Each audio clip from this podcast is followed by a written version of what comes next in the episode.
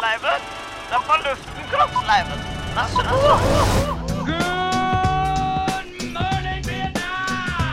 You mustn't be afraid to dream a little bigger, darling. Du hører på Du hører på Kino. Kino. Kinosyndromet. Frankly, my dear, I don't give a damn. Kinosyndromet. på Studentradioen På Studentradioen I i Bergen. Shall we begin? Velkommen skal du være, kjære lytter, tilbake til en ny utgave av Kinosyndromet her på Studentradioen i Bergen som alltid. Og eh, mitt navn er Terje Persen. I studio har vi Magnus Meling. Og Hanna Lyders. dere er litt nede. Ja, ja, nå skal vi, vi skal komme eller høyere opp. Å ja, jeg er motsatt. Jeg må begynne oppe, hvis ikke så blir jeg litt daff og slapp. Men uh, kan det være en grunn til at vi er litt uh, slappe? Det Vi har vært på pressevisning uh, alle tre. tidlig oppe. En, vi var en liten bataljon fra Studentradioen som var på det er alltid det det blir med disse tegneseriefilmene. Ja, ja, det var det. Så det, det kan vi snakke mer om senere. Men uh, vi er også tilbake og skal snakke om film og serier. Det vil si, jeg vil ikke bli så mye serieprat i, i dag, men i hvert fall filmnyheter og filmer som vi har sett osv. Og, så og eh, vi kan jo gjøre som vi gjør egentlig hver gang, og starte med å snakke om eh, filmer eller serier vi har sett den siste tiden. Og Har du lyst til å begynne, Magnus? Ja, eh, jeg har jo egentlig sett ganske mange filmer siden sist, men jeg så nå den Hitchcock-film på søndag. Eh, Så det var liksom Cinema Sunday, da, på en måte. Eh, liksom, så det er liksom noe eget med å se en Hitchcock-film, liksom. Hvilken, en veldig eh, god Hitchcock-film. Jeg så Rebecca fra 1940. eh, som de også har remaka gjennom Netflix. Jeg vet ikke om den er noe bedre, men den eh, har jo Army Hammer i seg og sånn, så det er litt sånn ekkelt. så Ja, det- det- kanskje ikke gå, gå inn i den verden. Men det, men det handler jo basically bare om eh, en dame som faller pladask for denne ri, rike, rike karen. Og så blir hun uh, gift med han, og så blir hun invitert hjem til hans mansion et eller annet sted i Europa. Sånn, nesten sånn, sånn svær borg. Gigantisk hus han har. Og så um, uh, merker hun at hun uh, blir på en måte hjemsøkt av hans avdøde kone, da. Og så blir hun hele tiden påminnet om, om, om hennes død og, og sånne ting, da. Og så begynner mysterier å, å skje, da. Aha. Eller å, å utvikle seg. Ren eh, Hitchcock-stil. Var det første gang du hadde sett den? Er første gang jeg har sett den. var Veldig, veldig bra. Du likte den? Ja, det anbefales. Kult. Hvor, hvor eh, var det du så den? Vet du det? Eh, det nekter jeg å si. Du, ingen kommentar? Nei, den, er på, den er på YouTube. Den er på YouTube. Gratis. YouTube. Den er, den er, den er gratis på YouTube. Sånn okay. Great films, liksom. Artig. OK, Hanna, hva med? Hva har du sett? Uh, jeg er jo midt i eksamensperioden nå, Ja. og når jeg ser på film og serie i eksamensperioden, vil jeg virkelig ha ordentlig escapism. Jeg vil virkelig komme ut av den verden jeg lever i, så jeg har vært i en skikkelig reality-boble. De siste Å to ukene. Oh, nei. Så jeg har sett uh, Netflix uh, nye Nicolas Shay og Vanessa Lechey uh, dating-ish-program, The Ultimatum. Og det er drama på sitt beste. De sender inn par hvor den ene, delen i, ene parten i paret Er det den gifteserien? Nei, nei, det er ikke Love is blind. Det her, Ah, er, det her er liksom Det her er, eh, par er liksom, det her er kjærester som har vært i forhold i mange år, hvor den ene parten kommer med ultimatumet marry or break up. Så det de skal gjøre, er at de kommer, og så skal de date liksom de andre parene. Og så skal de da, tre uker, være i et simulert et ekteskap med liksom partene til en av de andre parene de møter. Og så skal de være tre uker i et liksom simulert ekteskap med sin eh, originale partner. Og så til slutt skal de velge om de vil gifte seg, eller om de vil slå opp. Det høres helt Wow. crazy ut, da. Al altså, jeg anbefaler å se på det på det sterkeste. Jeg slukte den serien, og jeg koste meg. Og nå holder jeg på med Celebrity X on the Beach. Eh, Men hvor har du sett denne serien? The Ultimate er jo på Netflix. Det er på Netflix, ja. Det var det du sa. Ja. Og Celebrity Ex on the Beach. Eh, alle vet hva Ex on the Beach er. Det her er eh, britiske reality-serier. Nei, stjerner. Og, og Sofie Karlstad fra Norske Paradise er med. Yes. Så det var derfor jeg ville se på det. Og det er jo Ex on the Beach-drama. Jeg elsker eh, mange fra George Shore. Mine OG-karakterer fra George Shore er med. Så jeg koser meg. Det kan du se på Paramount Plus. Og der kan du også se alle MTV-serier. Ja, Paramount Plus er overraskende overraskende jeg føler ikke helt dette er min verden, Nei. men jeg setter pris på at du er så entusiastisk om, Men om dette her. jeg må spørre, hvis du har skrevet oppgave og sett på sånne ting, det virker nesten som hjernen er, er bare på to vidt forskjellige stadier. Og du går fra det ene til det andre. Det er det jeg vil. Klar, og du klarer den komboen? Ja, fordi når jeg setter meg ned, ser på uh, Celebrity X on the Beach og spiller Candy Crush, så er jeg liksom da har alt annet i verden er utelukket, og da klarer jeg å slappe av. Da, Ja. da stresser jeg ikke med men eksamen det er litt deilig å bare sette det på og bare gjøre alt annet, Ordentlig liksom. escapism. Ja. Ordentlig escapism. escapism. Det er bra. Det, det er fint vi kan snakke om noen eh, sånne programmer av og til. Ikke blir for ofte, så, så er Ja, det bra. det, det, det der her blir jo veldig TV, da, når vi snakker om film og TV. Ja, det er det. Jeg kan dra det tilbake inn i filmens uh, verden. Jeg holder på med et lite prosjekt uh, nå. For det er jo sånn at Ni Nicholas Cage har en film ute i disse dager. Eh, som heter The Unbearable Weight of Massive Talent, som er årets beste tittel. Ja. Eh, og Jeg har ikke sett filmen sjøl, men, men poenget i den er at han spiller jo seg, seg sjøl som en sånn avdanket uh, actionskuespiller. så det er en veldig metafilm. Så tenkte jeg ok, jeg har veldig lyst til å se den filmen, men da må jeg se mer Nicholas Cage-filmer, for det har jeg sett ganske lite av. eh, og ikke likt eh, så mange av de jeg har sett. Så jeg tenkte nå skal jeg ta et skikkelig dypdykk Du må i se Con Air. Cage sin verden. Så den, den skal jeg se. Den Ja. kommer til. Men jeg begynte jo litt sånn ikke, Jeg tar ikke kronologisk, for jeg hopper jo over. Han har spilt i dritmange filmer. Men jeg på en måte prøver å se det viktigste. Så jeg startet med uh, Racing Arizona. Det er jo en Cohen-film. den er. Den var veldig gøy. Og så eh, nå i, i denne uken så har jeg sett uh, The Rock, som var fantastisk. Yes. Å, da har, du sett, da har du sett de gode gamle Ja, så så jeg i går kveld Leaving Las Vegas, som er den siste filmen jeg så. Uh, og, og for det med disse er jo at ikke bare kan jeg på en måte se mer Nicholas Cage, men det er jo òg kjente regissører og andre kjente folk som er med bak disse filmene, så du får liksom sjekket eh, flere bokser. Eh, og Racing Arizona 2 er den beste så langt. Den Ja. synes jeg var Det er Cohen-brødrene på sitt uh, beste 90-talls ja, Ja, den var veldig, veldig gøy. Og, og Living Las Vegas også, det er jo en, en romantisk uh, komedie. Det var ikke jeg helt uh, forberedt på. At han, men han vant jo Oscar for den rollen i, i den fra 1990. i Hvilken da? 95. Living Las Vegas? Living, Living Las Ja, Vegas, ja. riktig, Det er den eneste filmen han har vunnet Oscar for, og det, det skjønner jeg godt. Han spilte dødsbra. Han spiller en sånn fyllik som er bare veldig, veldig veldig full, og, for, og, og eh, forelsker seg i en, i en Ja, men du hadde en veldig savage Prostituert. review på, på Letterboxd. Ja, den, jeg vet ikke om den kan tas, eh, tas på Du, du, luften. du drikket den på on, on air, liksom? Jo, jeg kan det. Nei, bare jeg, jeg leste at han, har gjort for, han gjorde research for rollen sin. For han, han er jo alkoholiker, så alle scenene med så er han sørpefull. Så gjorde han research med å, å faktisk drikke seg full eh, og filme seg sjøl. Eh, sånn at han kunne se hvordan han snakket og oppførte seg. Veldig metode. Eh, og så sa jeg at det- var en god ting, eller er en dum ting, at Jared Leto ikke gjorde det samme når han gjorde research for, eh, for, for Requiem for a Dream, hvor han spiller jo en, en, altså en narkis. Så det- Så det, Ja.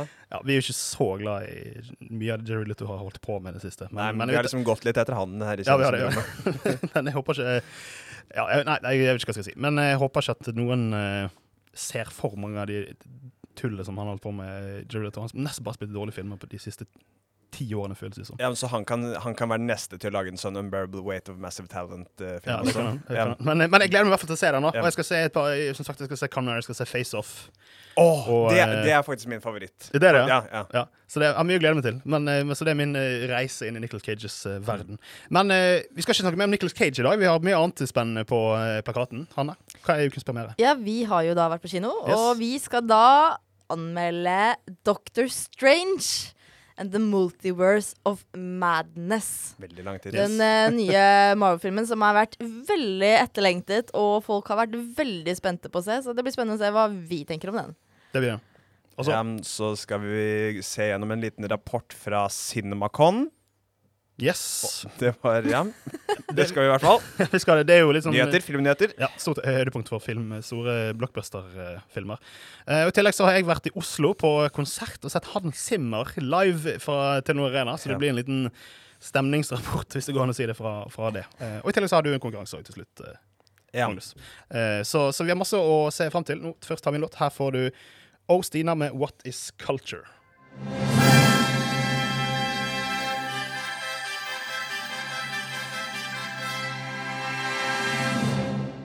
Ukas premiere. Du hører på Kinosyndromet her fra Studentradioen i Bergen. Nå er det på tide med ukas store høydepunkt, som er altså premieren som vi har vært eh, på, eh, på kino og fått eh, sett på pressevisning i dag. Det er en film som kommer ut eller Jeg lurer på om den har, har allerede hatt noen premiere. Fordi ja, disse Marvel-filmene kommer jo alltid ut litt før, litt før fredagen her i Norge. Yeah. Uvisst hvorfor. Men det er altså Doctor Strange in the Multiverse of Madness, som er den første Egentlig den første filmen i, i på en måte 2022 eh, Marvel-serien, da, fordi vi fikk jo Spiderman litt, litt etter. Ja, Så egentlig er Doctor Strange, det, egentlig er Dr. Strange den første. Uh, nå har jeg fått tatt, tatt oppgaven å prøve å forklare plottet i, i Dr. Strange. Det er, litt, det er vanskelig å gjøre uten på en måte spoile ting, da.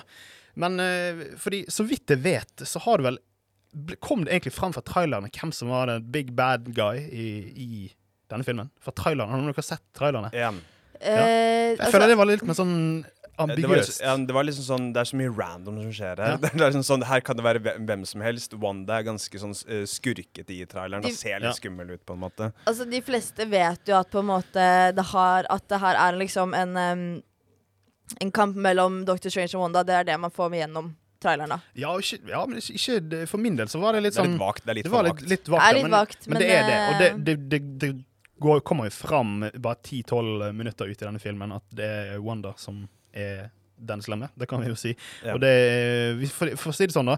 Den, her må man se, uh, se WandaVision først for å få få med seg alt Nei, Jeg, jeg, jeg syns ikke man trenger det. Jo, det, det syns er, jeg. fordi Du, du, jeg synes, uh, men du liker ikke WandaVision, så du er jo bare Um, veldig spesiell uansett. Ja, eh, men eh, i, i hvert fall du får jo i hvert fall nok informasjon om hvem Wanda er uh, i, eh, i, i, i episoden, eller i filmen. Så føler jeg. Da. Altså, Ja. Du får nok informasjon om eh, Om Wanda sin karakter i denne filmen, men for å få nyansene, så Ja, ja, ja. må du se Ja, Vision For for å få med deg liksom de dypere nyansene. Men da må du se få- hele Marvel Cinematic Universe uansett, da. Nei, det tror jeg ikke. Altså, Nei, men, men nå, fordi det er jo et stort skille her, for dette er desidert den første filmen hvor eh, vi har fått konsekvenser av en TV-serie. Fordi f- fram til nå så har alle TV-seriene vært enten konsekvens av filmene eller egen, sin egen greie. Men nå får vi faktisk noe Her refererer de til ting som har skjedd i TV-serien. Og, og sant, Westview sant, det er jo den byen hvor alt dette foregikk i, i den TV-serien. Og, og ja, du, altså, du må selvfølgelig ikke sett det. Du må ikke ha sett noen ting. Det, sånn er det jo. Men, men for de som bare har sett filmene, som ikke har prøvd seg på serien ennå, så vil jeg sterkt anbefale å se WandaVision først, for da får du med deg ganske mye kjøtt på, på beina hva gjelder hennes eh, bakgrunn. Og jeg tør nesten påstå at dette er mer Wanda sin film enn Dr. Strange sin film. Jeg, hun, jeg tror, føler hun har mer screentime enn han. Iallfall ikke langt unna. Hun er Ja, meget kan være sånn sentral. co- co-protagonist, men det handler jo også om Dr. Strange, da. Dr. Ja, selvfølgelig. selvfølgelig. Men, eh, men poen, altså, poenget er jo at, eh, at hun ønsker å leve med sine barn igjen. Det er jo òg noe som ble tatt opp ganske kraftig i, i serien. Og vil ønske å gjøre alt hun kan for å få det til. Og så finner hun en, eh, finner hun en jente som har krefter til å kunne reise mellom eh, forskjellige univers. Ja. mm, og dette er jo da America Chavez, som skal få sin egen serie på Disney Pluss. Skal den? Ja. Ja. Surprise. Vet du hva jo Vet du hva den serien heter? Um, America. Den heter Miss Marvel, heter eh, serien. Miss Marvel. Det For det er jeg jo hennes eh, Nei, eh, America Chavez sin karakter er Miss Marvel. Ja, Uh, mm. Og hun er jo Dette var jo hennes debut inn i Marvel-universet. Uh, traileren til serien har kommet, og serien tror jeg blir veldig bra. Mm. Den, jeg, jeg har store forhåpninger, og den ser veldig, veldig bra ut. Og så er jo Hun skal jo være en stor del av universet senere, for hun skal jo være med i den neste Captain Marvel-filmen, uh, The Marvels. Ja. Så hun har jo stor innvinkling. Og jeg syns eh, Hvis vi skal gå inn i hva vi syns om ja, filmen jeg, kan jeg, bare- eh, kan bare forklare ferdig? Så, eh, så, så er det, altså, poenget er jo at hun har da kreftene til å reise mellom universene, og Wanda ønsker å bruke henne for å nå et univers hvor barna til Wanda er i live. Fordi i, Ja. i vårt hovedunivers så har hun ikke noen barn. Eh, og hennes største ønske er å være sammen med barna, så prøver hun å bruke denne jenten til å nå det målet. Og Dr. Strange må da prøve å beskytte jenten og, mot Wanda. Ja. Ja. Det var plottet. Det er den reisen der. Ja. Det er selvplottet. Uh, kan vi gå inn i filmen? Det kan vi. Ja, hva synes vi? Det er en suppe. Det er en, det er en røre av altfor mange elementer som ikke får nok scenetid til å egentlig bli etablert til noe. Ja. Uh, mitt problem var at jeg ble introdusert til America Chavez, som skal være en viktig karakter i Marvel-universet senere, men likevel så fikk jeg ikke Jeg fikk ikke noe f følelse av hvem egentlig Hvem er hun? Ja, det, Hva vil det er jeg ganske enig Jeg fikk- jeg fikk ikke ikke noe- godt eh, Jeg fikk ikke noe connection henne, fordi for å være en så viktig karakter i filmen s s Nei, jeg bare fikk ikke ja, men At hun ikke ble explored nok. På en måte. Hun, er, Ja. hun er det på en måte, hun har den kraften. Men Og så skal vi også ha dette uh, Dr. Strange skal jo ha et forhold til henne. Som ikke men blir utviklet. Sånn, hvorfor vil han egentlig redde henne? Det er, Ja, altså, er altså, det fordi det er- hun er uskyldig? Hvorfor vil Eller så hva, hva, hva, er det, hva er det han egentlig som altså, det, liker med henne, liksom? det blir ikke etablert, noe på en måte partnerskap mellom disse to karakterene. Eh, jeg syns ikke vi går nok nyansert inn i eh, Dr. Strange eller Wanda heller, for den saks skyld. Altså, For å få nyansen av hva som WandaVision vil i denne filmen, må man se WandaVision. Altså, du, ja, du sier at man får liksom Du får nok informasjon, men du får ikke de nyansene at du liksom skjønner ordentlig motivasjonen. Ja. det... jeg vet ikke, der, der, Akkurat der var jeg faktisk glad for at de valgte å gjøre det på den måten de gjør. For jeg begynner å bli veldig lei av at superheltfilmer og, og hovedkarakterer alltid skal ha en sånn bikarakter som er på en måte mer menneskelig, og som, som er mer witty, eller whatever hva det måtte være. Og spesielt veldig ung. Sånn, sånn, som han er, sånn, sånn som Ben i Spiderman, eller uh, Aquafina i, i, uh, i, i Shang-Chi. Ja. Uh, sånne har det vært veldig mye av. Og jeg, når, jeg, når jeg først så henne i, i liksom, åpnings... sånn ja, når jeg så henne, hun, hun er med allerede fra åpningsscenen. Når jeg så henne, tenkte jeg steike tid, nå blir det sånn her tull igjen. Hvor det, ja, hvor jeg blir så lei av den opp, gam, samme gamle oppskriften. Men selvfølgelig at de gjorde noe litt annerledes. med at hun egentlig bare Hun var egentlig bare et verktøy eh, Ja. i filmen. Og det, jeg, synes, jeg setter egentlig pris på det. For dette er en, dette er en relativt kort film. Sett i setting med veldig mange av de andre filmene fra i det siste. Den varer bare to timer. Og, og eh, det er liksom grenser for hva, hvor mye tid de kan bruke på å bygge opp eh, relasjoner og sånne ting. Så jeg er jo egentlig fornøyd med at de, de gjorde det sånn. Ja, men Mitt problem var at hun ble bare brukt som et verktøy.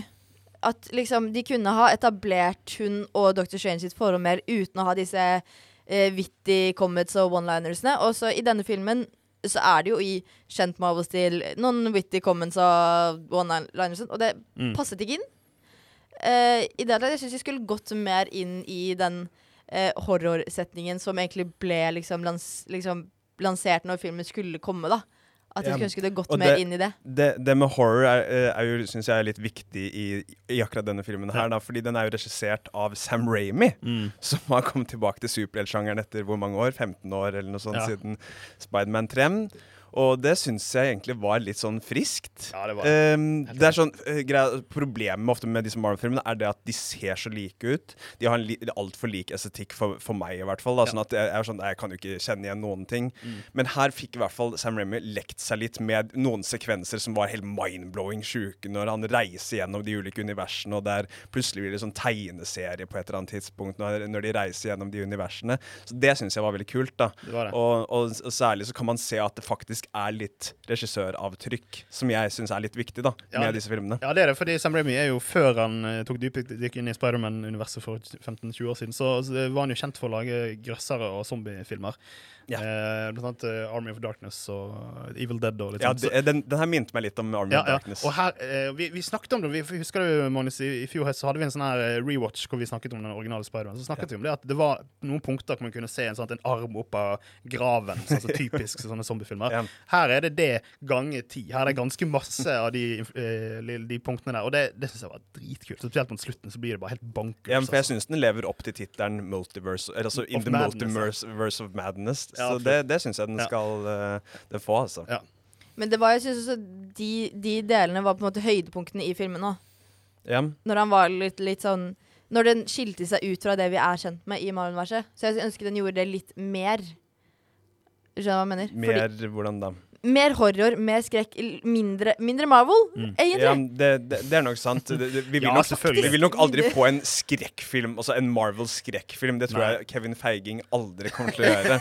Det, Nei, det, nei. det kommer han ikke til å tørre, rett og slett. Nei, og, nei, og jeg er jo selvfølgelig enig med deg, Hanna. Og de filmene er jo fortsatt veldig like. Og spesielt CGI Helvete, så de alltid er langt, langt inne med alt masse Altså, sånn. Så jeg er enig, men, men samtidig, når, hva gjelder hvordan de egentlig liksom får ting litt unna den standardoppskriften, så er jeg egentlig fornøyd. For jeg klarer ikke å forvente noe mer Det er enn en dette. Så, så jeg syns de leverte på akkurat eh, det. Og, og, og så syns jeg musikken var ganske, ganske kjedelig. Ganske Det- kjedelig. Danny Elfman sin svakeste svakeste det er Danny Elfman. Jeg kan, så vidt jeg vet, så har han nesten ikke gjort noe, noe som jeg liker siden Batman. Ja. Batman det er 30-40 år siden.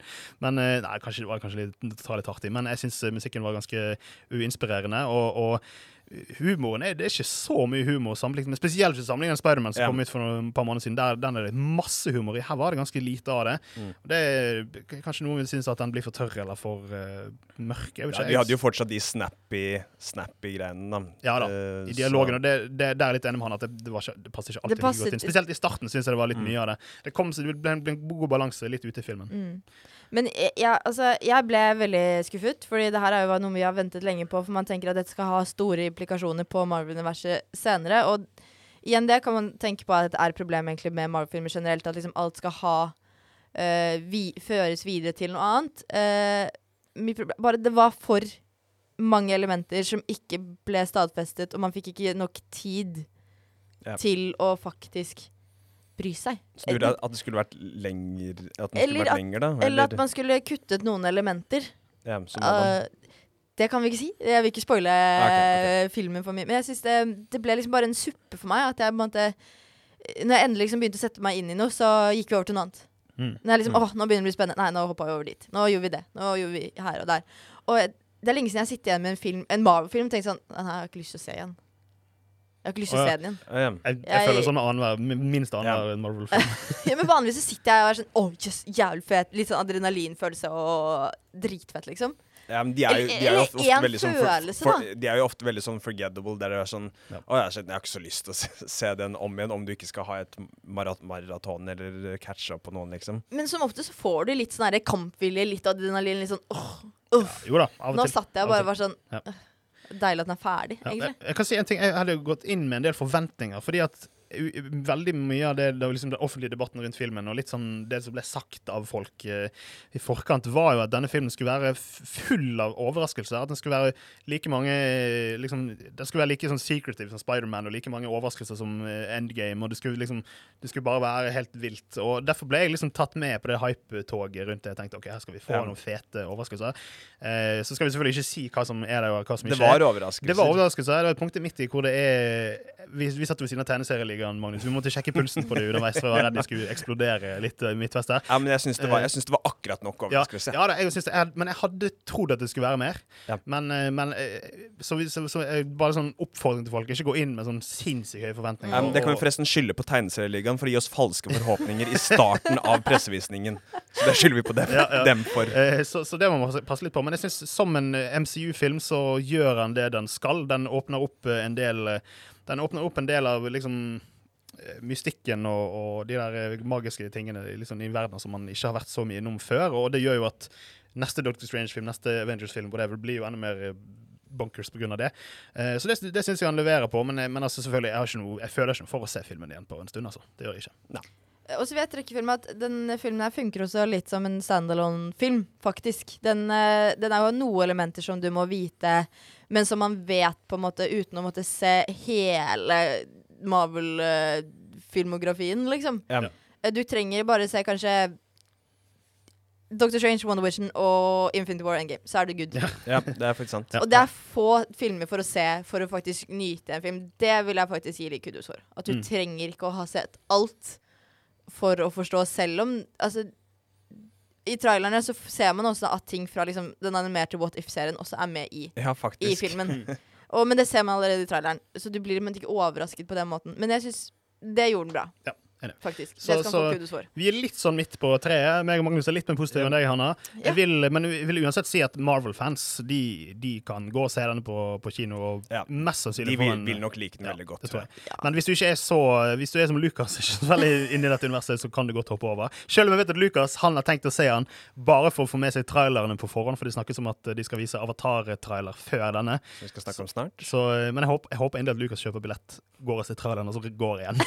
det er det. Ja, det, det var sånn de gjorde i gamle dager Ja. med Phantom Men og sånn. Ja, ja, det er sant. Nei, så, så Det er litt sånn hvor det står, og så du får ta en en egen avgjørelse. Men eh, filmen er altså ute på kino akkurat eh, nå. Det var Doctor Strange in the Multiverse of Madness. Og snart skal vi snakke mer om uh, nyheter fra Cinemacon. Det er nyheter om diverse filmer som kommer ut eh, eh, det neste året. Men først får du ukas, ukas låt her på Studentradioen. Det er Kaya med In The Garden. Aksel Hennie skal spille James Bond. Marlon Brando er tilbake. Ringenes herre reboot på fløyen. Jar Jar Binks får egen film. Kinonytt. Du hører på Kinodrommet fra Studentrådet i Bergen. På tide med Kinonytt, som, som jeg sier i jingle her, med masse entusiasme. Og eh, vi skal snakke om noe som heter CinemaCon, som er et arrangement som har eh, funnet sted nå eh, forrige uke. Eh, ikke, kanskje ikke kjempekjent for oss her i Ja, Norge. Kino Syndrom ble ikke invitert. Nei, vi ble ikke det. Nei. Veldig leit. Eh, og det koster jo, hvis man skal betale for billetten, så koster det mange tusen kroner for å komme inn. Fordi det er bare store sånn aktører, sånn AMC og, og sånn gigaaktører som betaler billetter for å komme inn på CinemaCon. Og så er det selvfølgelig noe, noe press også som blir invitert. Men eh, poenget er at eh, alle studioene Det er litt sånn, som, det er litt sånn eh, eh, E3 for kinobransjen. Ja. Eh, I den forstand at Disney og, og HBO, eller, Disney Warner Bros. og alle disse store filmselskapene De har hver sin sånn panel hvor de viser fram ting fra filmene sine. Og noen ganger så viser de filmer Eller hvert år så viser de et par filmer på forhånd, så du bare får se eksklusivt der, som kommer ut eh, noen uker eller måneder senere. Og så viser de fram trailer, og så har de skuespillere oppe som snakker om filmene sine, og så snakker de litt om suksessen de har hatt tidligere, selvfølgelig. Og eh, det kommer alltid ut ganske mange nyheter. Vi skal ikke ta alle, nå må vi ta de som vi føler er mest eh, interessante. Eh, Det første som kan nevnes, er at eh, Olivia Wilde, som er jo eh, kjent som skuespiller Hun har jo vært skuespiller veldig lenge. Jeg husker henne fra serien House. Ja, det er der jeg også har Hvor jeg tror jeg var- Megaforelsket i henne når jeg så den som ungdom. Eh, og det er en av mine favoritt-TV-serier. Men hun er altså nå blitt filmregissør. Hun lagde jo Booksmart for et par uker siden. Har dere sett den? Par uker siden. For et par uker siden. par år siden. Har dere sett den? Ja, det har jeg sett. Ja. Veldig bra. Elsket uh, Booksmart. Altså, Mm. Enkleste måte å beskrive på er Superbad for kvinner. Og nå altså kommer hun med sin film nummer to. Den heter Don't Worry Darling.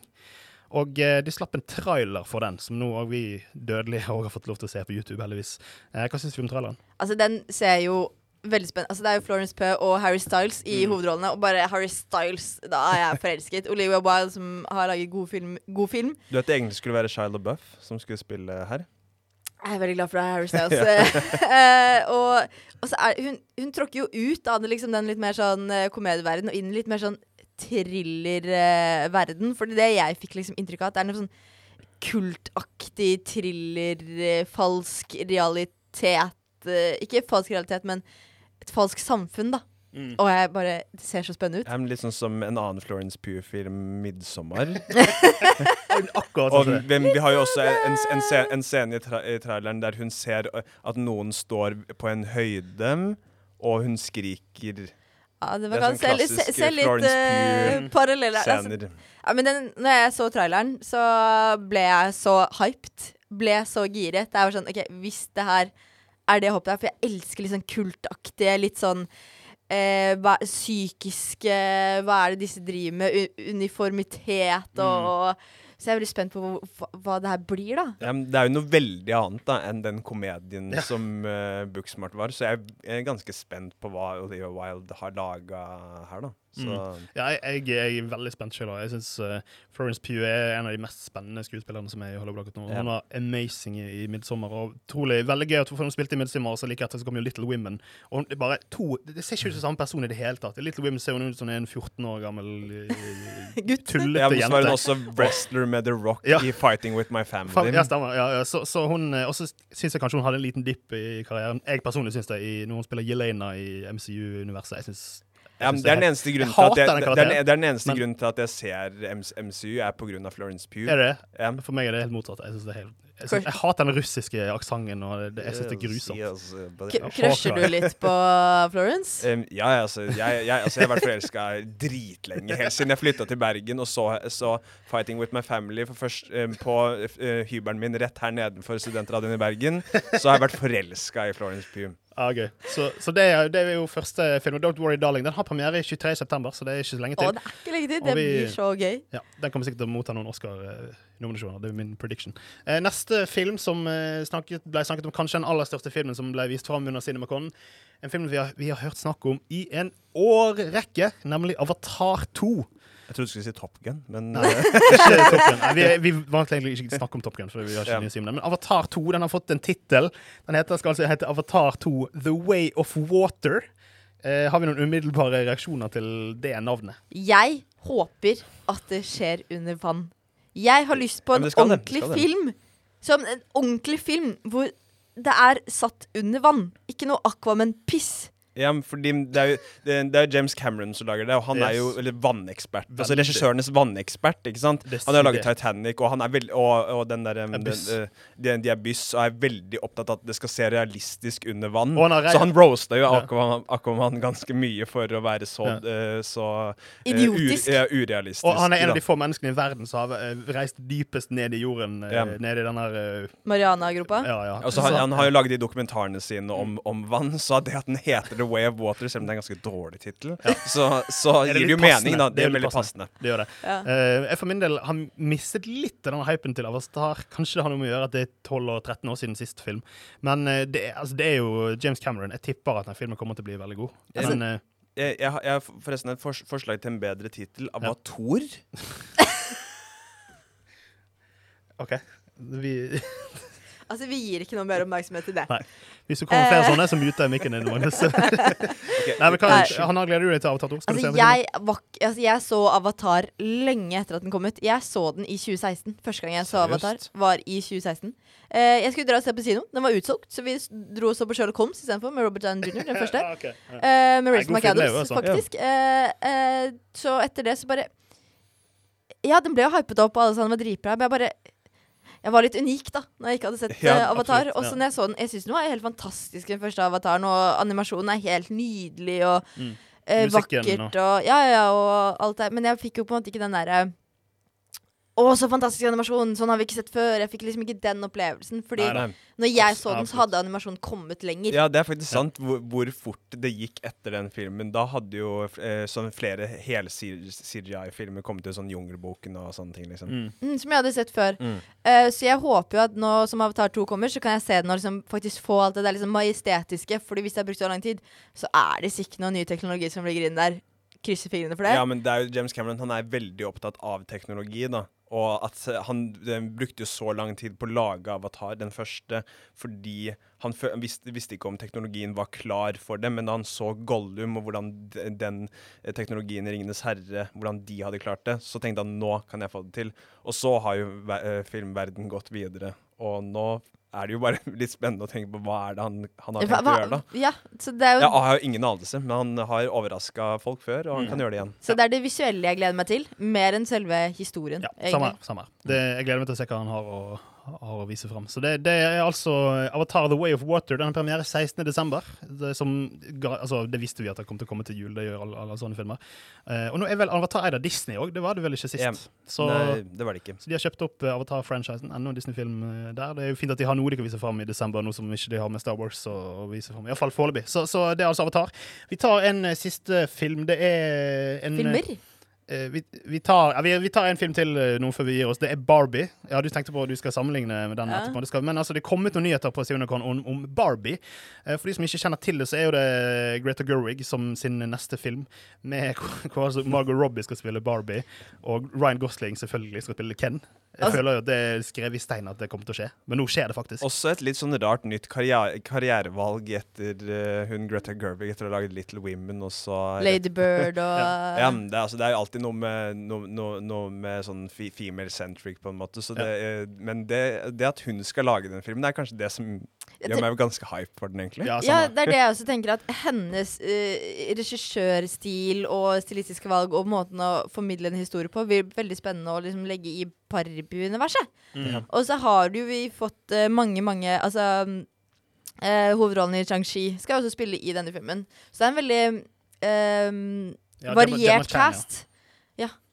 Ja. Ja. Og Simulu. Simu Lu. Jeg skjønner- Simu- Simu Lu, hun tenker- Simu Lu, Å, ja. ja, ok, det- eh, så det er en veldig um, diverse cast. Ja. Mm. Som også blir veldig spennende å se. Ja, det og, uh, og det som er liksom ekstra gøy, som er liksom kommet liksom i TikTok-filmverden, Ja, er så er jo Oppenheimer, Nolan sin nye film om atomvåpenet, Ja. eh, har premiere samme dag som Barbie. Ja, det er 21. juli 2023, så det er mer enn et år til. Mm. Men det er veldig gøy, fordi det, nyheten til, den største nyheten til Barbie var at vi fikk se det første sånn bilde fra, fra filmen. Og det er, bare, det er bare et stort bilde av, av eh, Margot Robbie. i en knæsj rosa bil med en knæsj rosa bakgrunn. Hun har selvfølgelig langt blondt hår og en, en blå kjole på seg.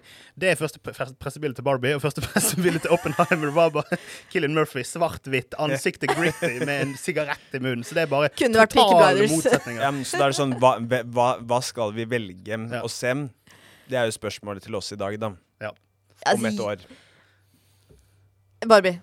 Christopher Nolan, altså Man vet på en måte hva man får av Christopher Nolan. Man vet hva som kommer. Men Greta Gerwig som gjør Barbie Det Det er sant. Det er Men sant. det er ikke Det er for Nolan Fair, som gjør. Oppenheimer. Altså, Ja, Ja, men snakker, det er Snakket til Terje, da. Han er jo den største Nolan-fanen som jeg kjenner. ja, ja. Det Hva velger litt av du en å se betrayal. først? Jeg, det kan godt være at jeg kommer til å se Oppenheimer tre ganger før jeg ser Barbie en gang. Altså. Det skal du ikke se vekk fra. Så, så jeg gleder meg enormt til den. Men jeg kommer selvfølgelig til å se Barbie òg. Og det er ingen tvil om at det blir en veldig underholdende film. Ja. Eh, men eh, det er alltid noe helt spesielt når noen lager filmer. Og, og så har du ja, Han gjorde jo en Men mildt sagt god jobb med Florence Pugh, som er den i Oppenheimer. Det er hun faktisk. Ja. Det er, hun, og det er et nydelig cast i Oppenheimer. Så den må Sånn ses. den. Aurvåg også. Og hvis det er en film som skal ses på kino, så er det jo søren steike med Oppenheimer. altså. Ja. Barbie kommer til å være en dramakomedie, og det, det blir bare det òg. Men hvis en film skal ses på kino, så er det Nolan. Du skal se den atomeksplosjonen på det store lerretet. Ja, ja. I, helst i IMAX, men det, det har ikke vi her i Bergen. Men, men eh, det er altså 21. juli 2023, og ett år til, så, så vi har mye å se fram til. Og så kom det ut masse andre nyheter om Top Gun og, og eh, denne Buzz Lighter-filmen og masse annet. Så det, hvis man ønsker å dykke mer ned i, i CinemaCon-nyhetene, så kan man selvfølgelig det. Men vi skal gå videre her, og snart skal jeg få lov til å snakke om at jeg var på Hans Zimmer-konsert. Det blir enda med Nolan-referanser der, selvfølgelig. Men eh, først har vi en ny låt. Her er Daniela Reyes med 'Brannsår'. Kino, kino, kino. Kinosyndromet.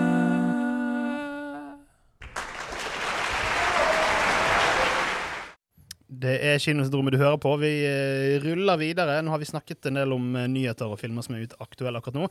Så har jeg fått lov, eh, tusen takk til dere for at jeg får denne muligheten her til å fortelle om en liten spesiell opplevelse som jeg har hatt nå forrige helg. Og glede deg til veldig lenge. Gleder Terje. til har- meget lenge. Det- om på kinosyndromet flere Det er mer enn to år siden jeg kjøpte billetten. Jeg ble selvfølgelig utsatt pga. korona. Men det var altså en Oslo-tur.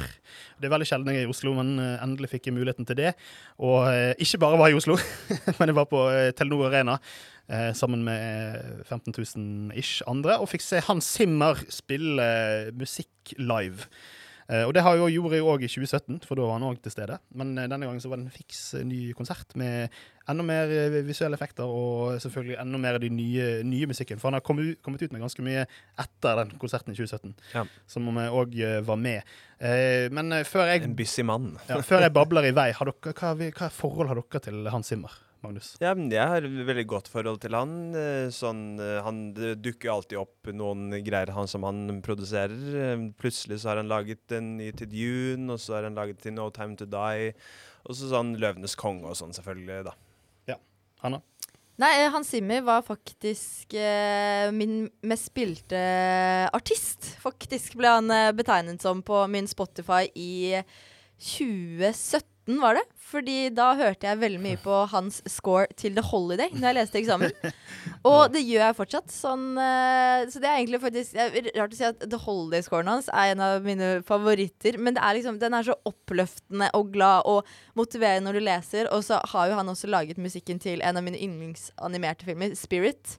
Som jeg tror jeg så hver dag i en måned. Jeg kødder ikke. Jeg elsker den filmen, og musikken er helt fantastisk. Så Så han ble heller snøbba for de for Oscar, liksom. ja, ja, Ja, 100 ja. Uh, Spesielt for uh, Spirit, uh, The Stallion of Cameroon. Mm. Men nei, altså, det er jo de følelsene, da. Ja. Han er veldig flink til å vekke følelser, om det er sorg, glede, sinne eller alt mulig, da. Ja, absolutt. Og, og derfor er det veldig spennende å få lov til å gå på konsert og se det. Fordi dette det finnes jo de har jo I USA så har de en del sånne her filmscore-konserter, og da har de det ofte sammen med en skjerm hvor man får se enten en hel, en hel film eller utdrag av klipp fra, fra filmene. Jeg vet eh, John Williams har gjort noen sånne hvor de spiller faktisk scoren live til en hel visning av Schindlers liste eller hva det måtte være. Men, men her så var det egentlig bare fokus på musikken og ganske mye selvfølgelig ganske mye lysshow. da. Men det var en sånn 40-50 personer på scenen. Selvfølgelig et sånn symfoniorkester og en, sånn kjerneband. Det er ganske, all musikken er gjort ganske sånn rockete. Eh, det er mye bass og slagverk og elgitarer. De har liksom tre-fire elgitarister og to som bare spiller trommer. Og sånn, og så var det jo et lite kor. Eh, ikke like mange i koret som sist, men det er noen koronagrunner til det. Men, eh, men jeg tar liksom kjapt noen av de tingene som, som han spilte. da, så, så startet det jo hele driten med Det var helt insane. Startet med, med det sekkepipemusikken fra Dune. Åh, som er jo det er sånn, det er favorittfilmen Atreides min. Ja. eh, liksom, tema, da. Med fire menn som sto midt på scenen og spilte sekkepipe. Det var sykt. Jeg aldri trodd jeg skulle bli hype for sekkepipemusikk, men det var helt spinnvilt. Ja. Eh, og så gikk det jo kjapt Det var bare en sånn liten teaser til Dune-musikken, som var selvfølgelig eh, kanskje høydepunktet i, i, eh, i filmen. Men, eh, men eh, så gikk han videre til Wonder Woman 1984, som kanskje er den dårligste filmen som ble vist eh, musikk fra. Men Ja. veldig kul musikk. Og selvfølgelig Wonder Woman-temaet har jo vært i flere DC-filmer.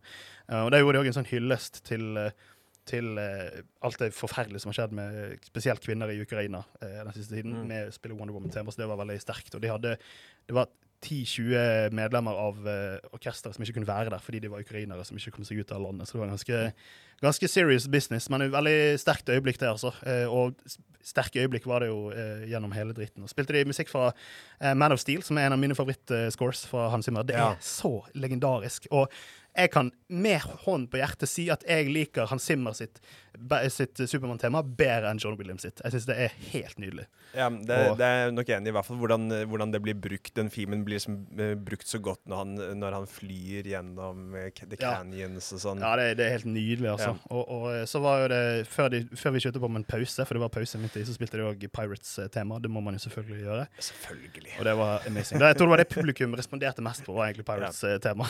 Det ville jeg jo gjort så gjenkjennelig. Ja, Altså, det er ingen som har gjort noe annet siden eller før, på en måte. Nei, det er akkurat det.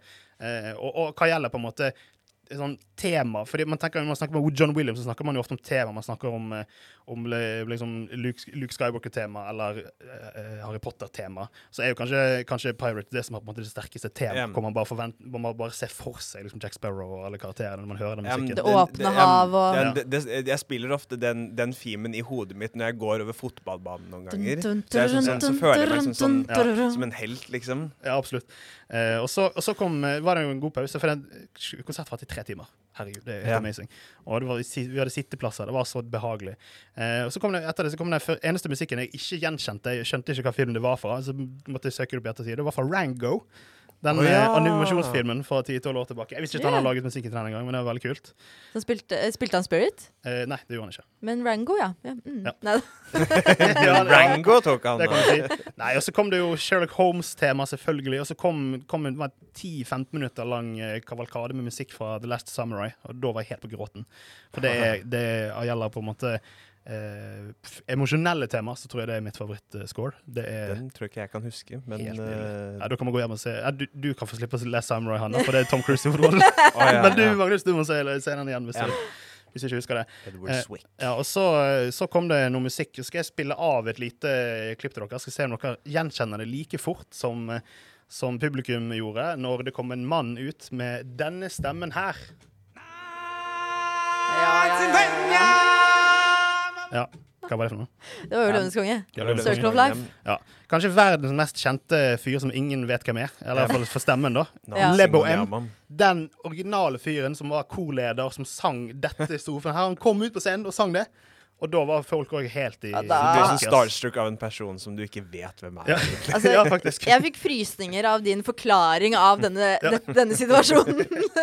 Så det, og Løvenes konge-biten var fantastisk. De spilte, spilte liksom noen små klipp. De spilte, ingen av sangene, da, det savnet jeg jo litt, men det var på en måte mer scoren, da, som er jo det Hans Zimmer sto for, Ja. selvfølgelig. Eh, og så kom, eh, kom det mer fra, fra det som var eh, åpningsnummeret, og da skjønner vi jo òg med en gang hva det er snakk om når denne lyden kommer. Sant?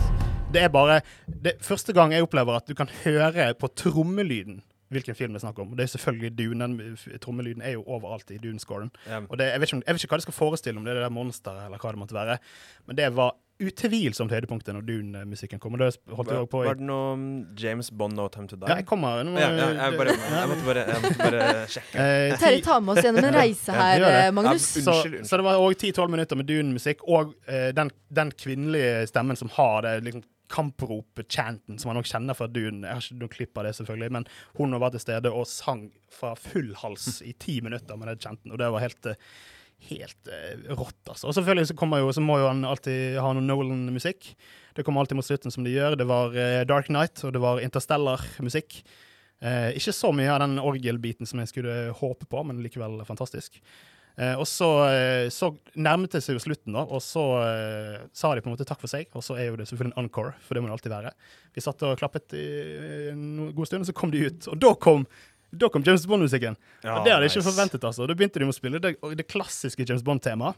Og så gikk de over til noe av det som måte han laget for No Time To Die. da, og det var jo det var veldig artig. Kanskje ikke helt det jeg hadde håpet på liksom, som encore. da. Da hadde jeg kanskje håpet på noe litt mer liksom, episk. jeg vet ikke, Men det var veldig kult. Og så avsluttet de selvfølgelig med Time fra Inception. Hva annet kan man slutte med? Det er jo, det er jo liksom det er kanskje det han er mest kjent for, iallfall en sånn enkelt uh, score som, Mm. som ikke har noe med sang eller noe sånt å gjøre. Så er kanskje timen det, det som er Det er iallfall det som er flest avspillinger på Spotify. Og da var, det ikke Da kunne du høre, høre en, hva heter det, en nål falle på slutten. Altså, men bare var Hans Zimmer som satt på piano og spilte de siste tonene. Og han er jo med under hele konserten, så spiller han bass, han spiller piano, han spiller gitar. Han løper rundt og snakker med og tuller med folk i, i, som er på scenen. Han er veldig delaktig, så det er ikke noe sånn. Han står ikke bare og dirigerer, men han er med. Og masse av de musikerne som var med å spille inn eh, på en måte de originale sangene, var til stede òg. Altså, du har tatt med oss på en virkelig reise. Jeg sitter her og har gåsehud mens Ja. du har forklart. Og så, Du nevnte jo at du kjøpte disse billettene før pandemien. Er du glad for egentlig at konserten kom etter? For da fikk du jo liksom Dune og Ja, det kan du si. Ja, men du hadde jo fått, du hadde jo fått Dune Ja, du hadde- som den ikke hadde blitt utsatt. Nei, da hadde jo kanskje Dune Ja. kommet før, da. Det er jo et, Det er eh, et godt poeng. Men, eh, så, så Dune var nok absolutt høydepunktet høydepunkt. Det var jo det. Og det Ja, han vant jo Det kan jeg si at Oscaren var fortjent. Det kan jeg trygt si. Men eh, så men, jeg, jeg kan bare avslutte med å si at hvis, eh, hvis du får muligheten eh, til å se Hans Zimmer en eller annen gang, enten om det er her i Norge om fem år igjen eller et annet sted, du kommer ikke til å angre. Det er Bestill i hu og hast. Altså Ut ifra hva du har sagt, så fikk jeg ekstremt, ekstremt lyst til å bruke de pengene. Ja. De pengene virker så sinnssykt verdt det.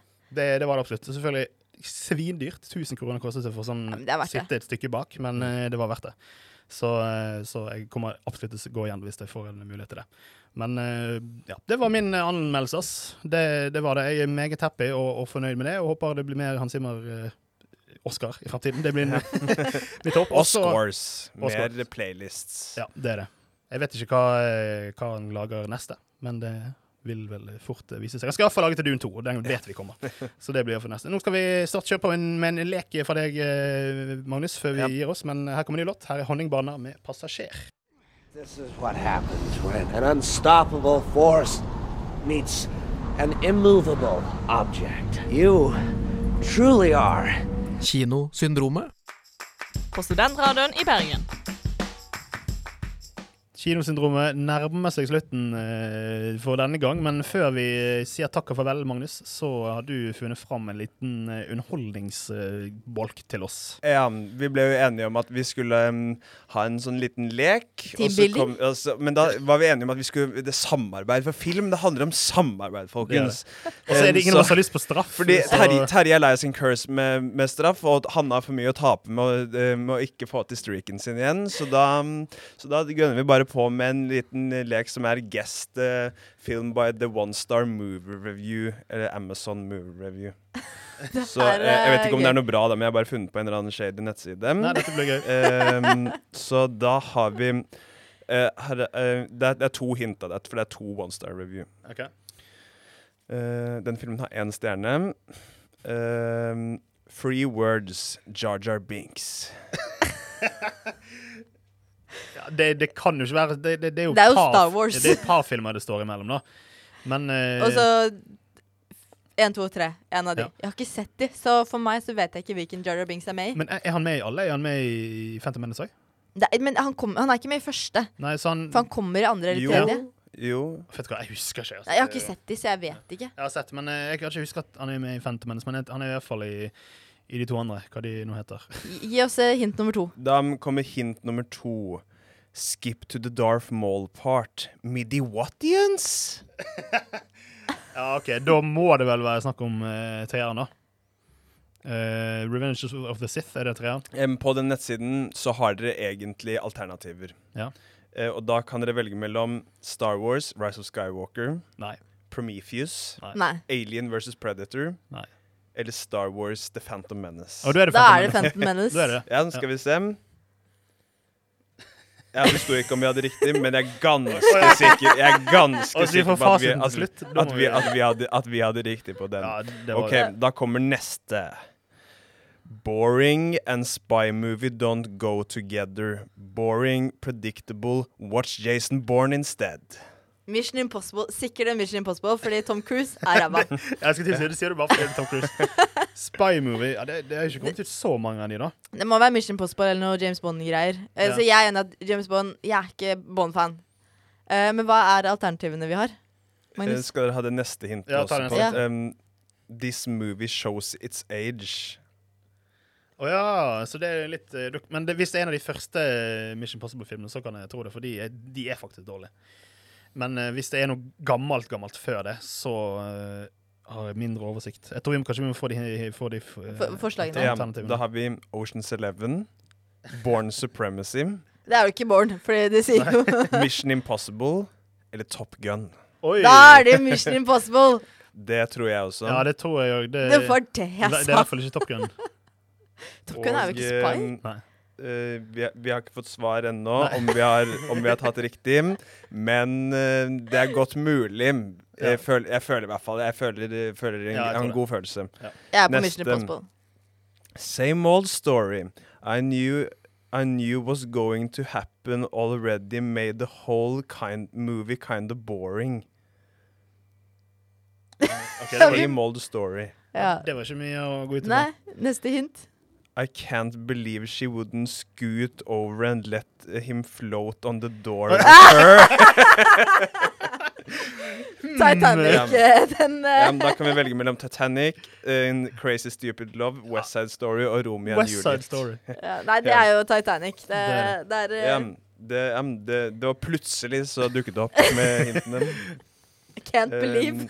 Um, um, oi, den her var veldig dårlig oppløsning. Men um, Horror-like ending gave my children nightmares. Thank you, Disney. Not for broken sleep again.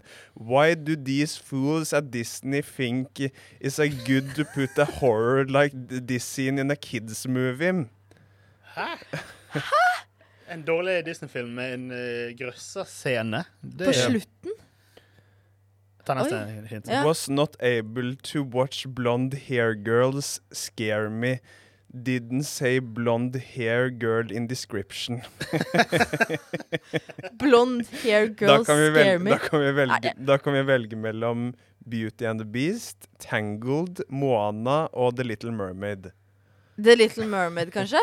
Ja, hun, hun er jo ikke blond. Ikke Hun, rødt hår, hun er rødt, rødt hår. Jeg har ikke sett Tangle. Så da må jo Tangle Tangled være en veldig skummel film. Nei, men Tangle har ikke noe skum... Hva var første Det er mulig det er hun heksa i Tangled, vet du. Hun kan være veldig skummel. Hva er- første Ja. alternativet? Men så er det også kanskje folk som syns det at hun har så langt hår, som er dritskummelt. Kanskje. Ja, det finnes Men- jo noe med sånn fo fobi men- mot langt hår. Lille havfruen har jo veldig ganske skummel, vil jeg si, for å være barnefilmsekvens hvor liksom Ursula blir stabbet av et skip, liksom. Ja, men det er sant. Men det er jo ikke noe blonde Hva var første alternativet? Beauty and the Beast. Ja, det er heller ikke noe blonde. Nei, Nei. Tangled. Vi går for Gå for Tangled. Tangled. Ja, Tangled var riktig. Ta, okay, vi, vi, vi, Tangled var riktig. vi, vi rekker Har vi fått fasiten nå? Uh, nei, jeg bare sa at det var riktig. Ja. Ganske, fordi det er, det er bare én ja. Vi rekker en, en siste. En siste. Um, Love RDJ, but not this movie. Ok, Så da må det være Jr., Sherlock Holmes Ja. eller noe eh, Iron Man, kanskje? Iron- Iron Man 3? Iron Man. Uh, OK, neste hint. And this film is rubbish. Conan Doyle is probably spinning Ja. fast enough in his grave to power the whole world for the rest of the thousand years. Det er jo, Savage reviews? ja, det er Sherlock Holmes, da. Ja, Men det er- om det er én eller to det er, Toeren er jo faktisk drit, men den ene, jeg syns eneren er konge. Eneren er konge. Um, Han jeg bor med, elsker det, eh, Sherlock Holmes 2. Det er egentlig bare den han liker av de, av de to filmene. Er det Mikkel? Uh, nei, Aron. Ah, ok. Men eh, bare ta hintene kjapt. da. Får vi noe, kan vi velge ja, noe en det, er bare, um, det, det er bare en Sherlock Holmes-film her. Okay. Da er du den. Eh, så er jeg vet ikke om vi skal gjette om det er Jurassic Park, The Silence of the Lambs, Journey to the Center of the Earth eller Sherlock Holmes. Ja, det er jo Sherlock Holmes, da. Ja. Ja, det tror jeg også. ok. Men, Veldig bra jobba. bra jobbet. Vi, sa, vi, vi sier at vi fikk fem av fem riktig. Vi sier det. Gir oss sjøl uh, topp Ja, men rating. Dette var gøy med liksom Ja. samarbeid. Liksom, Det er det som er viktig. Ja, det var det. Diskutere, få frem filmgleden. Ja. Ja, akkurat sånn Dr. Strange og Wong i uh, Dr. Strange. Ja, men- så eh, de òg samarbeider for å Ja, men- slå fienden. Så slår det vi denne leken Du, ned. Du, du har noe å lære av Wanda. Liksom. Godt poeng, Wanda. Vær en lagspiller. Det er vår oppfordring. Ja. Og så må vi egentlig bare si eh, takk for oss. Vi eh, må eh, dra hjem og se mer filmer og serier. Du, Magnus, du skal se Last Samurai. Det sier jeg nå. Den må du få sett. Ja, jeg er gira, ass. Ja. Anna, du kan få lov til å være med hvis du tør. Så, altså, jeg mener det er, en, det er en av de filmene hvor han faktisk er god. Altså, det er den også, The Interview, Interview with the Vampire, som også Tom Cruise er med i, som jeg har litt lyst til å se. Ja. Så jeg kan kanskje Og skal Top gi Gun 2 Maverick. Nei. Jo, hei. Nei. Der kommer det sånn. Cinejets. Ja. I feel the need, the need for speed. Nei, men Takk til den, Magnus. Da fikk vi en liten epilog fra deg der. Det er Fint. Så sier vi hør på oss neste uke. Last ned podkasten og alt det der. Følg oss på Facebook og Instagram selv om ikke det kommer ut noe nytt der. Så er vi tilbake Og neste uke. Letterboxd. Og Letterboxd. Der kommer det i hvert fall ikke ut noe nytt. Og så er vi tilbake neste uke med mer good stuff. Ha det godt. Ha det.